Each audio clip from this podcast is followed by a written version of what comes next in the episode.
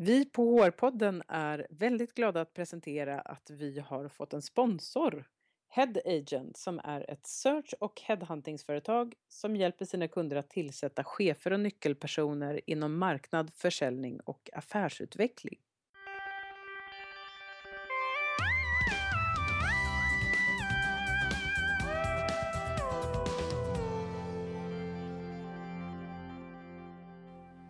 Hej och välkommen till HR-podden.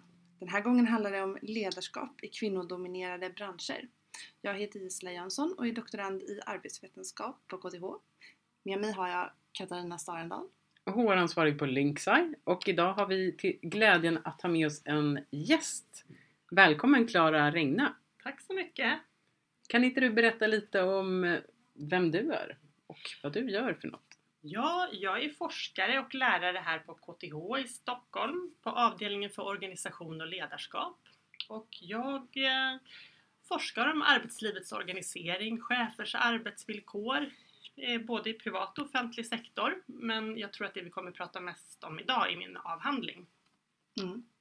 Ja, vi, vi kände lite så här att eh, vi på HR-podden, vi har fokuserat ganska mycket på eh, ganska techföretag. Alltså egentligen mm. så har vi nog pratat ganska mycket om det. Vi har nog en förkärlek för dem, tror jag. De syns mycket, mm. det kan man väl säga egentligen. Så att det är mycket kring det. Och vi känner såhär, men eh, till exempel då inom offentlig sektor, så vi båda kan väldigt lite om det. Så vi kände så här, det här skulle vara ett väldigt bra tillskott i HR-podden att få höra mm. mer om hur man organiserar liksom, arbetslivet mer inom offentlig sektor. Mm. Och det finns ju någon slags könsobalans eh, i båda de här eh, sektorerna fast åt olika håll kan man ju säga. Mm. ja, det är ju, ja, könsfördelningen är ju Alltså det är majoriteten av cheferna är kvinnor i den offentliga sektorn. I, i eh, den mansdominerade privata sektorn där är ju flest män som är chefer också. Mm. Men sen så kan man ju säga att i båda sektorer så är det ju vanliga, alltså det är lättare för män att bli chefer. Så det mönstret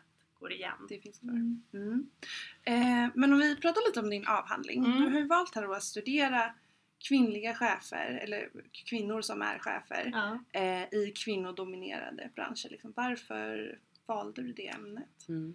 Ja, egentligen är det nog lite samma anledning som att ni bjöd in mig till den här HR-podden. Att eh, jag har ju en bakgrund på Handelshögskolan i Stockholm och började min forskarbana där, började som doktorand där innan jag flyttade hit till KTH. Och eh, i min forskargrupp och jag också forskat tidigare en hel del om mansdominerad, alltså chefers villkor, alltså kvinnors villkor i mansdominerade miljöer. Så att dels var det det att inom den här ledarskapsforskningen så har det funnits en väldig förkärlek till att studera den privata sektorn helt enkelt. Alltså mm.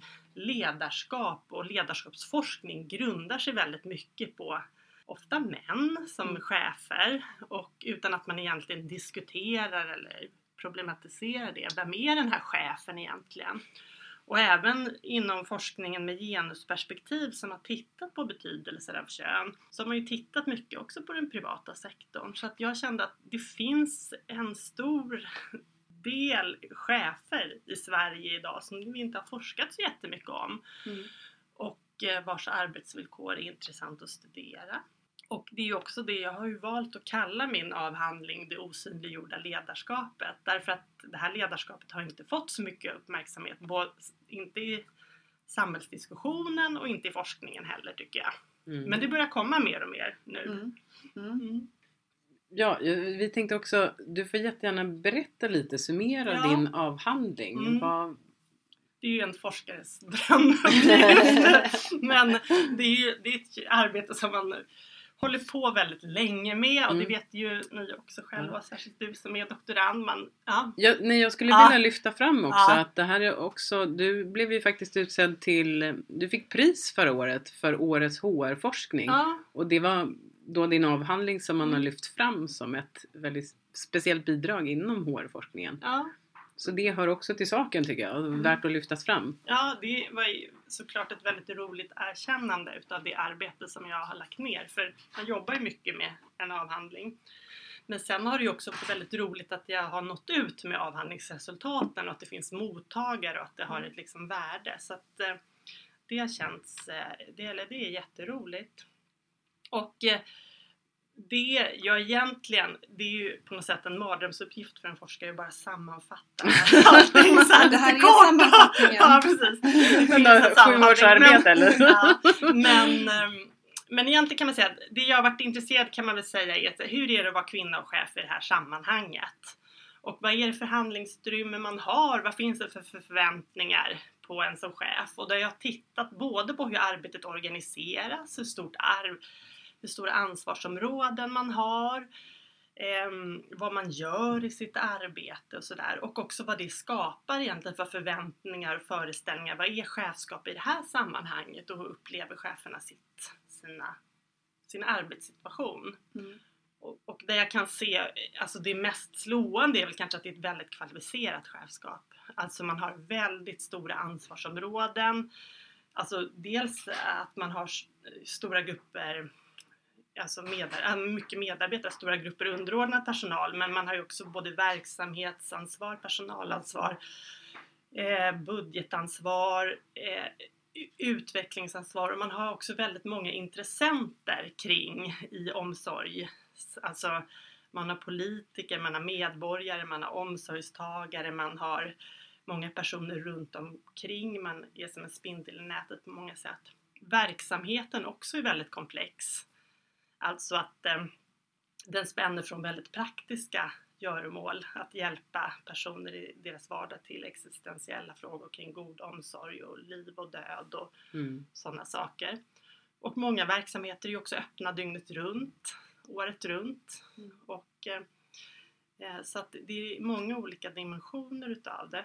Och, ja, jag kan fortsätta men det, mm. det det, och det har också varit intressant att, att se att eh, det är också en sektor där kvinnor på ett sätt är normerande för chefskapet. Att man känner att man kan utgå ifrån sig själv. Mm. Man slipper vara den kvinnliga chefen som vi kan se när vi studerar mansdominerade miljöer. Att ofta som kommer in, in en kvinna så finns det förväntningar på kvinnliga egenskaper. Och Man blir liksom representant för sitt kön. Alltså man blir en kvinnlig chef. Mm. Som Istället är någonting annat än vanliga chefen. Mm.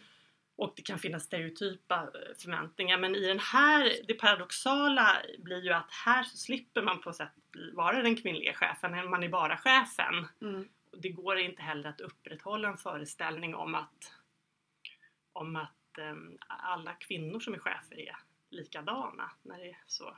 så att uh, på ett sätt blir det också en större individuell frihet i det egna chefskapet. Mm och eh, cheferna själva beskriver också som självständigt och fritt. Alltså det finns ju såklart massor med restriktioner och saker man måste göra och det är på många sätt en väldigt utman utmanande chefsuppdrag. Men, men också att det finns en glädje i det här då att, att vara den som faktiskt driver den här miljardförvaltningen mm. framåt. Så. Mm. För det är ju ofta väldigt stora och mycket personal. Du, jag tänkte på det när man läste mm. i avhandlingen ja. då, just att det är så här, den det som de verkade lyfta fram som så positivt och roligt med att vara mm. chef var saker som man då kanske inte skulle tänka i första hand så här, om man stereotypiserar kvinnligt ledarskap eller manligt ledarskap. Ja. Att, så här, ja, men att få bestämma, att ha makt, att mm. ändra saker. Att det var det som var liksom, det var det som mm. var, inte bara det som var roligt men att det var en stor del mm. av det. Och jag, jag tänker att i om jag, jag har ju aldrig varit chef för någonting. Men om jag relaterar till ett helt annat sammanhang som jag har varit i som är något som heter Geek Girl Meetup som är liksom eh, nätverksträffar och en liten konferens för kvinnor som jobbar eller är intresserade av eh, teknik och den mm. sortens grejer. Som var också där, det är liksom ett separatistiskt eh, sammanhang. Det är liksom bara kvinnor som mm. får vara där och tanken med det har hela tiden varit att så här, eh, när man är i ett sammanhang där det bara är kvinnor så blir kön liksom en irrelevant faktor mm. på något vis och mm. man får man behöver inte tänka på det och det är ingen som liksom mm.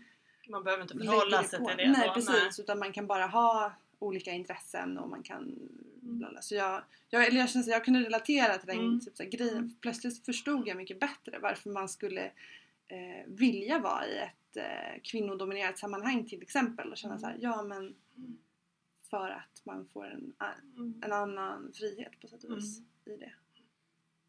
Ja, jag tänker annars är ju normen alltid eh, framförallt när man pratar om ledarskap och, och höga chefsposter så är ju normen idag fortfarande i väldigt stor utsträckning att det är män och att den är en manlig värld där man mm. just verkligen behöver förhålla sig till det.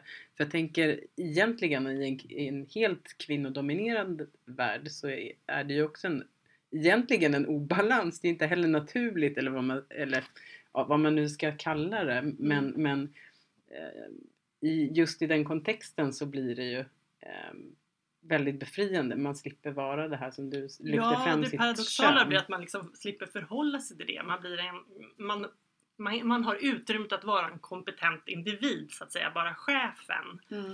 Och det som jag tyckte var intressant, det var ju att när jag frågade dem i intervjuerna så blev de lite såhär, vadå kvinna, kvinnlig chef, vad betyder det? Det betyder ingenting för mig. I det här sammanhanget betyder det ingenting för mig. Jag är chef och Sen är jag kvinna, vad det nu betyder, vad det, ja, ja. spelar det ingen roll. Mm. Så.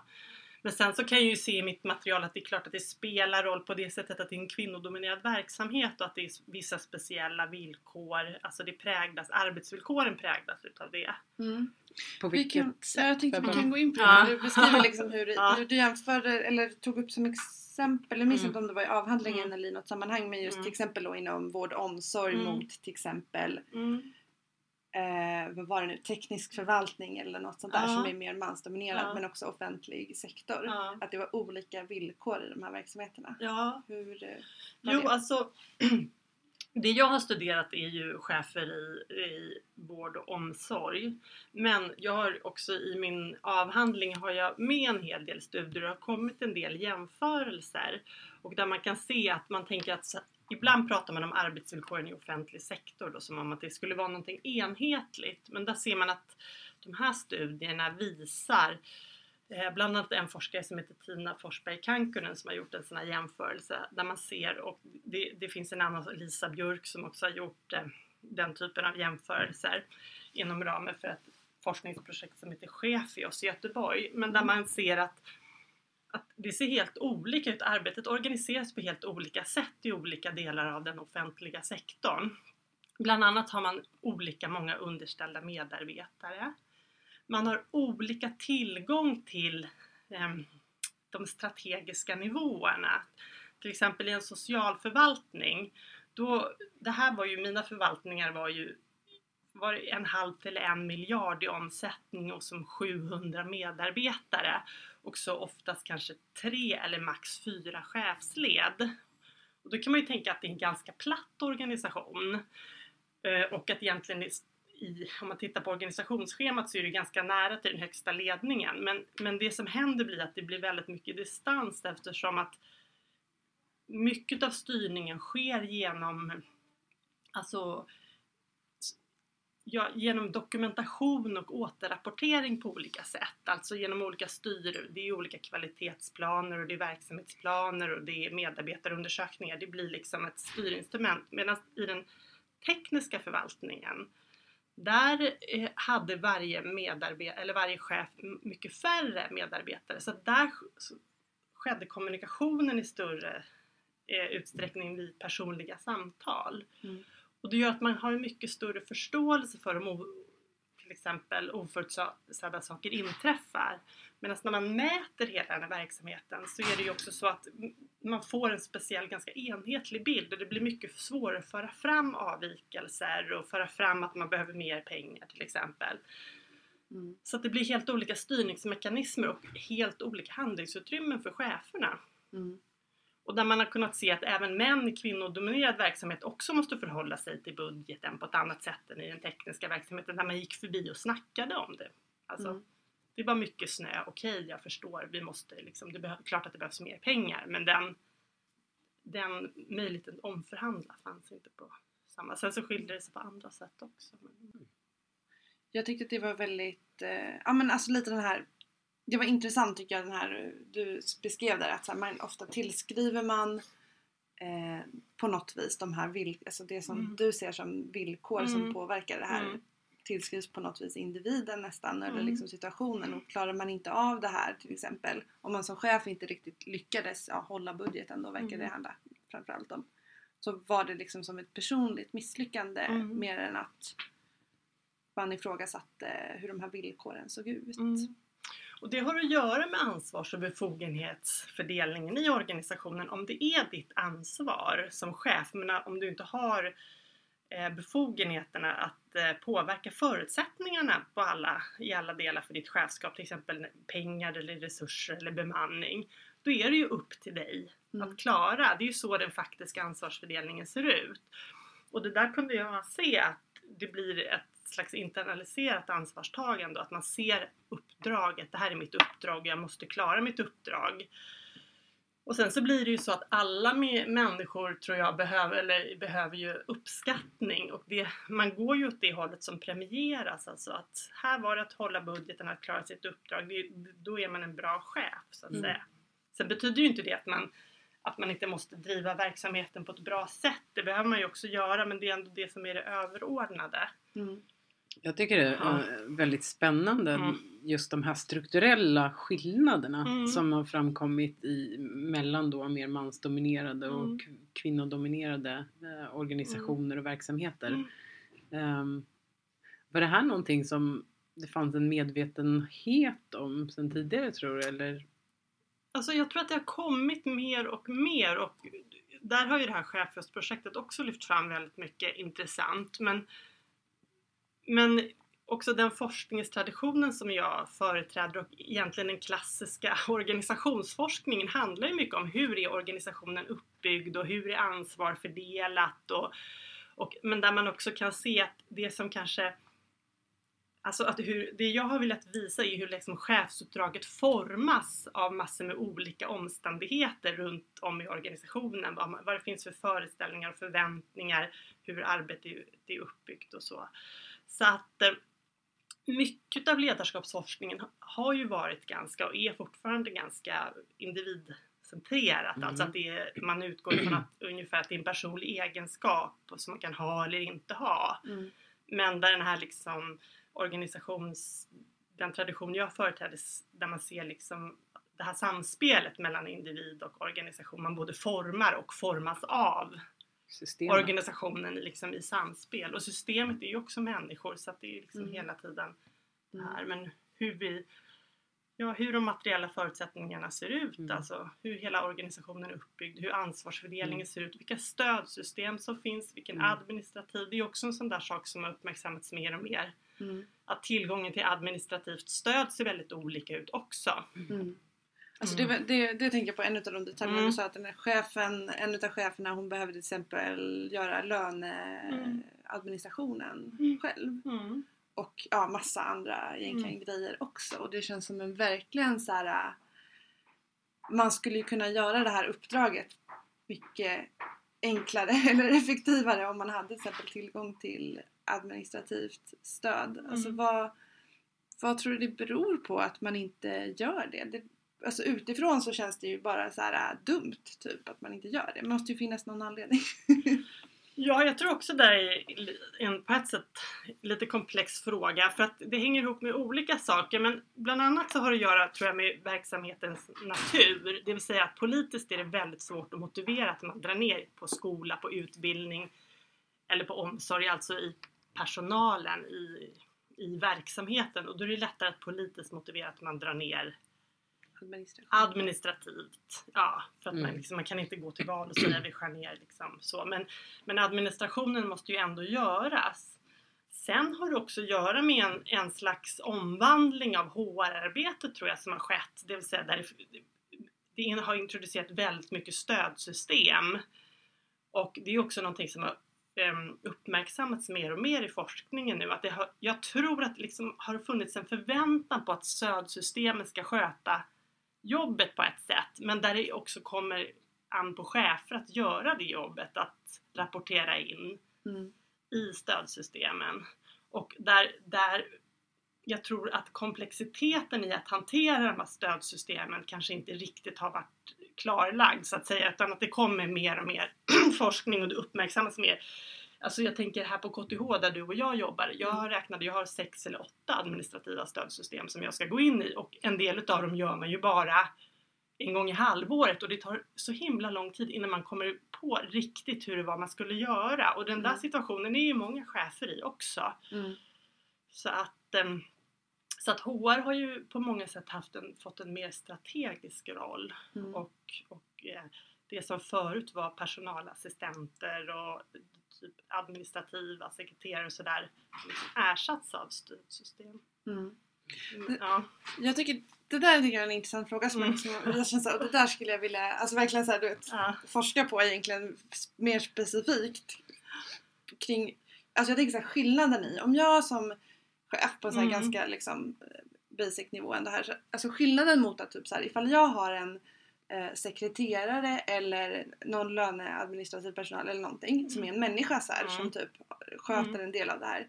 Så har vi en interaktion och jag som chef då, då känns det som att den här administrativa hjälpen eh, behöver liksom anstränga sig för att förstå mig och vad jag menar för någonting. Lite så här, jag kan säga så här, mm. någonting, typ vad jag vill mm. uppnå och då förstår den andra människan det och så kan de fick, liksom ordna det. Mm. För de förstår sina, de, så de kan mm. göra den här översättningen riktningen liksom, mellan vad du menar och vad jag ska göra för någonting. Mm. I den bästa av världar. I den bästa av världar. Men liksom typ så här, det, här, det kan gå väldigt smidigt. Mm. Det behöver, kan också gå väldigt fel. Men om vi liksom ur det perspektivet jämfört med ifall jag som den här chefen har istället ett, eh, ett IT-system som jag ska använda. Då är det jag som måste förstå systemet. Systemet förstår inte om jag säger vad jag vill. Den, den bryr sig inte om det. Utan jag måste förstå mm.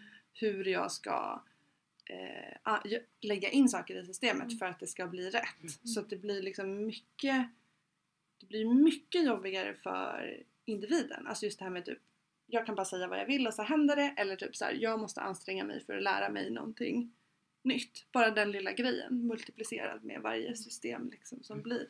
Och sen så formar ju systemen också, vi, vi, vi, formas ju av dem på ett sätt. Alltså det man rapporterar in i system, det, det, finns ju olika typer av system men den här typen av rapportsystem och nyckeltal och alltså det är ju också den typen av information man får om verksamheten som man eh, som det man kan se, se i, i mitt material det är ju att att man förlitar sig mycket, det är viktigt med nyckeltal och sådana saker men det är ju också så att avvikelser kanske i verksamheten, eh, det pratar de om till exempel när man har en schablon för hur mycket omsorg en person behöver. Men om man behöver dubbelbemanning till exempel, det finns liksom inte utrymme för det utan då måste man argumentera mycket för att föra tillbaka den typen av verksamheter så att de mm. skapar också en föreställning om verksamheten som mer enhetlig än vad den kanske är därför att det är det man rapporterar in. Men det beror ju mm. såklart på hur de är utformade.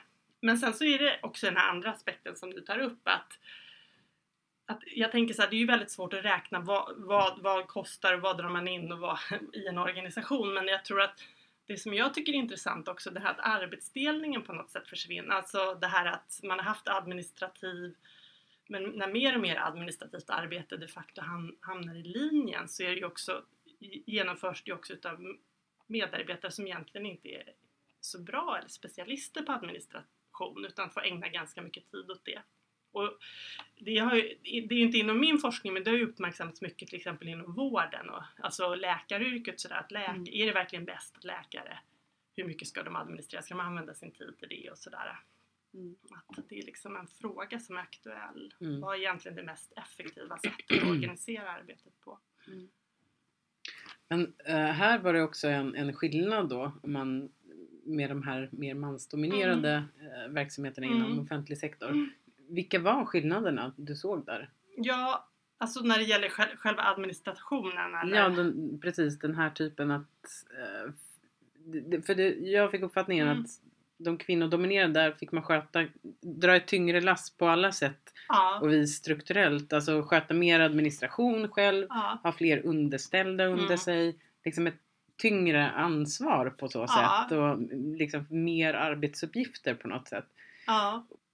Vi resonerade kring det här varför det har blivit så i de mm. kvinnodominerade mm. branscherna men varför har det inte blivit så då i de mer mansdominerade? Ja, det där är ju väldigt intressant och det, nu är det, inte, det är inte jag som har gjort den här jämförande studien men det man har kunnat se där det är att liksom verksamhetslogiken egentligen inte um, den kan inte motivera den här arbetsorganiseringen. Det vill säga, det är ju mindre komplext att städa gator eller mer förutsägbart. Eller det, alltså det kan ju också strula på olika sätt men det är i alla fall lättare sophantering och sådär. Så det finns ju liksom ingenting ur verksamhetens logiken som motiverar att man har mindre anstånd. Men det finns, eh, det finns ett sätt att argumentera om verksamheten som att den är mer komplex eller kräver större expertkunskap och sådär. Så att, eh, det är ju någonting som, som Eh, de cheferna jag intervjuat tar upp att de till exempel är väldigt positiva till dokumentationskrav därför att de tycker att det synliggör verksamheten mer. Alltså det finns ett behov också att, att synliggöra komplexiteten i arbetet och så. Men det är ju det att vi kan se att den här typen av könsskillnader går igenom på olika sätt i arbets, på arbetsmarknaden. Alltså att kön spelar roll på massor med olika sätt och där där man kan säga att de här organisationerna på ett sätt är könsmärkta. Alltså det spelar roll att det är mest kvinnor som arbetar där. För att det påverkar sättet man värderar det och sättet man ar arbetet organiseras. Mm. mm. Så att ett steg är ju att visa hur det görs och hur det ser ut och då kan man börja fråga, är det rimligt? Vill vi att det ska se ut så här? Och, mm. så. Jag har en fundering. Jag tänkte faktiskt mm. fråga dig om under din forskningsgång och när du har jobbat fram det här som har blivit ja. din avhandling. Är det någonting som har förvånat dig av det som har framkommit? Ja, alltså man börjar, jag började den här resan så him, för så himla länge sedan på något sätt. Så att jag tycker jag har lärt mig jättemycket. Alltså, och sen så tycker jag att det som har varit intressant är ju att se komplexiteten i hela det här. Äh, det vill säga både hur arbetet är organiserat, vad det finns för föreställningar kring chefer och ledarskap i den här organisationen. Och sen så också tycker jag Sen har jag också tittat på hur man pratar om jämställdhet och mångfald och sådär. Och, och, men samt, jag kan väl säga så här, det som har varit eh, kanske mest, det är ju vilket otroligt ansvarsfullt och kvalificerat chefsarbete det är alltså. Att det, hur är det möjligt på något sätt att det inte har fått mer uppmärksamhet? Så kan jag tänka. Mm. Och hur är det möjligt att det... Ja, fast samtidigt, det är ju det jag svarar på i min avhandling, eller diskuterar hur det är möjligt, men man kan ändå, jag kan ändå bli fascinerad utav det. Alltså att, att det på något sätt inte har funnits så mycket intresse att lyfta fram det här tidigare eller inom ledarskapsforskningen och att det känns att det har varit väldigt viktigt att göra det och visa på mm. hur, hur avancerat och ja, komplext uppdrag det är. Mm. Det förtjänar ett större erkännande. Ja, det tycker jag. Mm. Mm. Jag, jag tänkte en grej som, mm. som jag kände jag blev så här berörd av när jag läste det här. Och det var lite kring eh, man kallade det för gnällarna i mm. den här organisationen. De var man liksom, ingen gillade en gnällare. Nej. Tyckte man då. Att man hade på något vis lite så här ja, internaliserat ur någon ja. slags positivitetskultur som du sa där. Ja. Att man, liksom, man fick inte eh, gnälla helt enkelt. Ja. Det, där, det, är något som jag känner igen i och för sig också lite från mina studier i, i privata näringslivet. Att man också tycker så här, folk som, man får inte gnälla. Det får man inte göra. Nej. Det är väldigt, men det är så här, man får inte klaga så utan man ska liksom eh, och jag menar, och så, å ena sidan kan jag själv så här, alltså, förstå bara så, ja men alltså det vet man ju vad det är, gnäll och liksom så här, mm. ja, det är ingen som tycker att det är speciellt bra kanske mm. eller trevligt så mm. men samtidigt så känns det som att det finns då på något vis att man var ska de här signalerna liksom komma mm. ifrån nerifrån och upp så mm. den kontakten verkar inte riktigt eh, finnas eller Nej. riktigt vara okej. Okay. Och jag tycker det är intressant också när blir någonting gnäll? Ja. Och varför benämner man det som gnäll? Och mm. vad är det som är gnäll. Alltså eh, rent... Eh, jag tror att det är ju intressant tycker jag att missnöjesyttringar uppfattas som gnäll. Mm. Och där man kan se också att eh, där man kan se att när man inte kan föra tillbaka informationen på ett bra sätt så, så kan det uppfattas som det. Men det är, också, det är ju väldigt liksom makt det är ju liksom ett ord fullt med makt. Ingen vill vara en gnällare men man kan se att det finns en dynamik. Det kan man se, alltså dels kan jag känna igen där från arbetslivet. Alltså allting måste vara en utmaning. Mm. Alltså, även om det är ett problem så är det inte ett problem utan det är en utmaning att det finns en sån liksom retorik. Men, men samtidigt också det här att, att kunna se arbetsvillkoren och att inte göra den till, till en individuell fråga är nog mm. liksom vägen framåt. Jag tänker mig ifall, mm. man har, ifall man har befogenheter på något vis att ändra i sin situation mm. eh, då behöver man ju inte gnälla, då kan man bara ändra. Mm. Så på något vis så mm. säger det ju någonting om att oavsett hur, hur sant eller inte då så mm. upplever man kanske sig själv då som lite mm. maktlös att mm. Eh, förändra. Mm. Eh, ja och så tror jag att det finns, det var det jag tänkte säga, att det finns också en dynamik som blir att om man påtalar problemet så blir man problemet så att ja. säga. Att de säger att det är upp till mig att lösa situationen. Alltså det, det är så att du har det ansvaret och om man inte klarar det så blir man liksom en misslyckad chef. Så det finns ju en förväntan på det, att inte att, att göra uppdraget och de är ju väldigt de som jag intervjuat beskriver ju att det här uppdraget är väldigt viktigt att man tar det på väldigt stort allvar och att man tar ett väldigt stort individuellt ansvar för det. Alltså klarar inte jag av mitt uppdrag mm då, då får jag göra någonting annat. Det är inte så att då kanske uppdraget var för svårt och då måste ju vi omförhandla uppdraget. Mm. Mm. Att, så att i den, i den mm. situationen också blir det ju väldigt svårt att säga så här, men det gick inte. Just det, för, för då, då är det man själv. ett personligt mm. misslyckande. Mm. Så, att, så det ja. finns, och det blir då förklaringen till varför det inte går. Så det finns liksom ingen så förklaring som går uppåt och säger nej, nej, nej, ändras. har nej. man stängt den vägen på något Ja och också, det blir också ett resultat utav att vägen är stängd. Så ja. att det blir liksom en självuppfyllande. Om man inte på något sätt försöker lyfta fram det och se att det finns inte den här typen av kommunikationsvägar. Sen är det ju inte så att cheferna inte försöker att lyfta upp det men de säger att det är svårt. Det är någonting man måste, alltså de verksamhetschefer då som är mellanchefer. Mm säger att det är någonting ändå jag försöker göra men det är svårt, jag ägnar mycket tid åt det och så. Mm. Mm. Jag tänker, jag, jag förstår att det måste, min kommande fråga här mm. kommer vara väldigt svår men jag mm. tänker om du ska försöka lyfta ut några huvudpoänger mm. till de som lyssnar som inte har läst din avhandling. Mm. Vad, vi, vad tycker du är viktigt att man får med sig? Om, om arbetsvillkor, alltså dels att se hur arbetsvillkoren ser ut tycker jag och sen så de här jämförelserna, är det rimligt, är det rimligt att det värderas på det sättet? Men sen tycker jag också det är intressant eftersom jag är genusforskare att se det som en liksom, jämställdhetsfråga, att vidga jämställdhetsbegreppet till att omfatta löner och arbetsvillkor, inte bara inom den egna branschen utan mellan olika delar av arbetsmarknaden då. Mm. Och se, men jag tycker också det viktiga är också tror jag att se hur hur arbetssammanhanget på något sätt formar också chefsrollen och förväntningar och föreställningar på chefer. Mm. Att, ja. Jag tänker så här, mm. om, man är, om, man jobbar, mm. om man jobbar med HR i, mm. i en sån här verksamhet liksom, mm. och man tänker så här, oj jag visste inte att det var så här. Jag måste mm. stötta våra chefer mycket mm. mer på något vis. Mm. Alltså inte kanske, ja, inte nödvändigtvis jag personligen men så här, vi måste mm. göra det. Mm. Eh, liksom, vad, vad tycker du att man borde göra då? Vad ska man mm. rikta in sig om man vill börja? Jag tänker en sak som vi inte har pratat så mycket om också som är, som är någonting. Det är ju det här med chefsrörligheten, att det omorganiseras väldigt mycket så det är ju väldigt stor rörlighet också. Så det tänker jag också på ett sätt är som HR eller stödfunktion också och som chef att man måste ju bygga upp hela tiden väldigt mycket både olika chefssammanhang och chefsgrupper och kvalitetsarbete och allting alltså. Så att det är också någonting som påverkar chefernas arbetssituation mycket.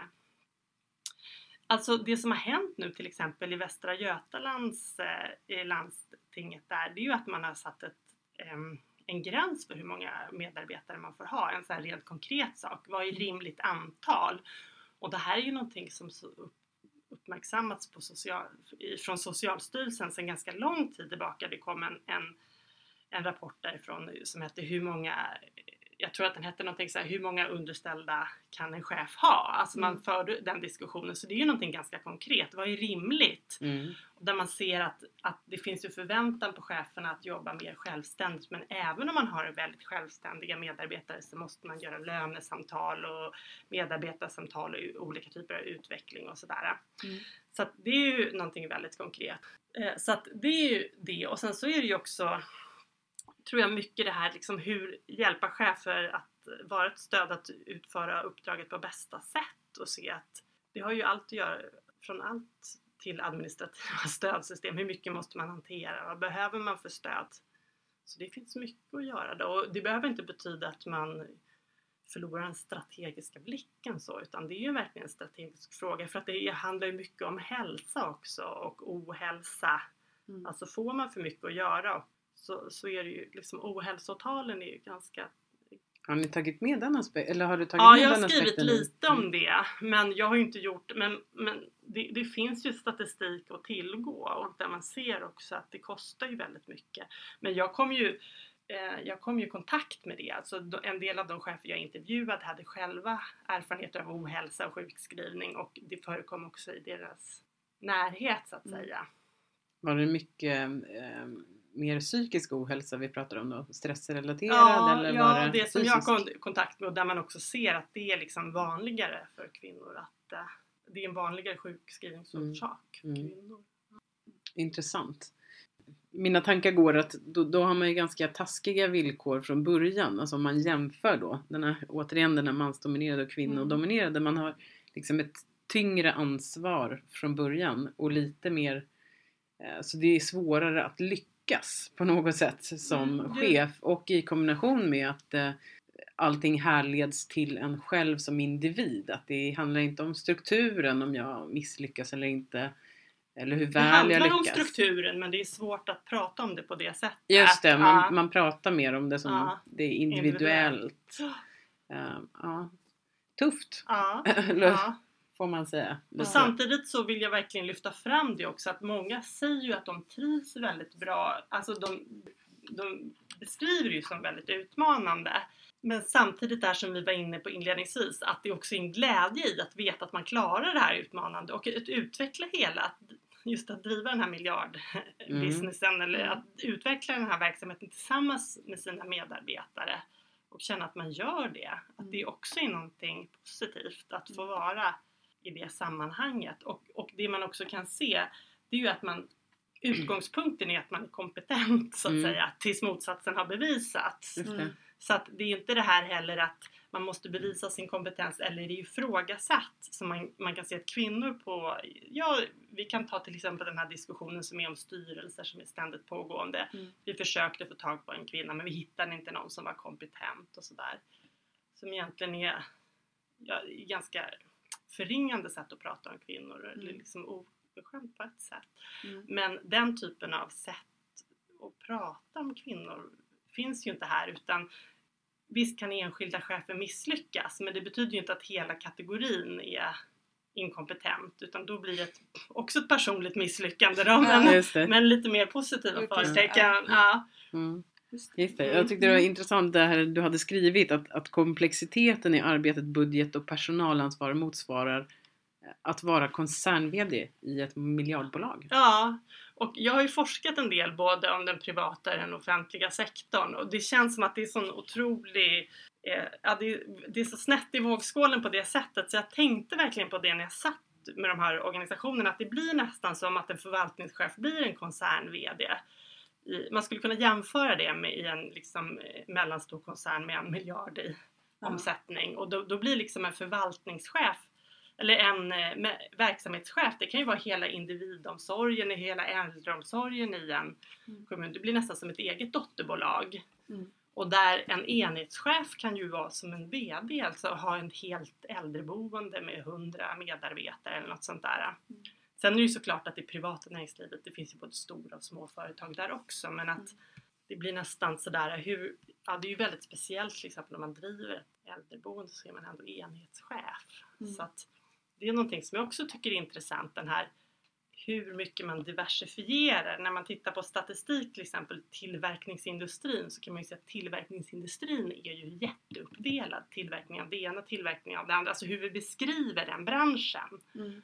Medan till exempel vård och omsorg är bara en jättestor bransch. Mm. Där liksom 500 000 kvinnor jobbar eller något sånt där. Alltså, Mm. så att det, det spelar också roll hur vi beskriver arbetslivet, hur vi uppfattar det. Man skulle kunna tänka att man kan ha omsorg om det ena och omsorg om det andra. Alltså, och när man verkligen tittar på verksamheterna så är de ju väldigt olika. Mm. Jag tänkte om vi ska runda av. Ja, Är det något, eh, liksom, om du har något avslutande typ, tips eller något som du vill säga med till våra lyssnare apropå det här? nej jag tycker jag känner mig nöjd så. om det inte är något annat, något särskilt som ni tänker att ni vill lyfta. Jag tänker mer om, ehm, alltså du har ju forskat Ja. länge på de här Ja. frågorna och har väldigt en större inblick än de allra, allra flesta personer som Mm. jobbar där ute. Om du fick ändra på någonting? Det här mm. har inte så mycket med forskning att göra men jag tänker mer om en diktator Klara får mm. vara diktator för en dag. Vad skulle du vilja ändra på? Alltså det som jag tänker som först som, jag, som har varit om man ska säga någonting som har varit väldigt givande sen jag disputerade. Det är ju det här att vara ute och berätta om den och föreläsa. Och det i sig är ju en lärprocess för mig också. Det är ju väldigt roligt och många känner igen sig och jag tycker att många också blir bekräftade utav att liksom känner, ja, det här chefsuppdraget får ett erkännande så att säga. Eh, sen så tycker jag att eh, det som jag försöker visa i min avhandling det är ju hur olika delar av eh, ja, vad som formar det här chefsuppdraget så att säga. Arbetets organisering, föreställningar, vad vi gör, olika förväntningar på chefer. Så att, att det, det, jag behöver inte vara så mycket diktator utan jag avslutar faktiskt i min avhandling med vad in, om man nu skulle vilja förändra, vad skulle man behöva förändra då? Vad, vad, har det här för implikationer så att säga för förändring? Och det är ju både kring hur vi pratar om den här verksamheten och hur vi organiserar den här verksamheten så att jag tycker att mycket av det är ju det som vi har varit inne på nu mm. i vårt samtal. Och där liksom frågan är så här, ja så här ser det ut eller så här går det till. Och där, och där det blir liksom en gemensam fråga, är det rimligt? Mm.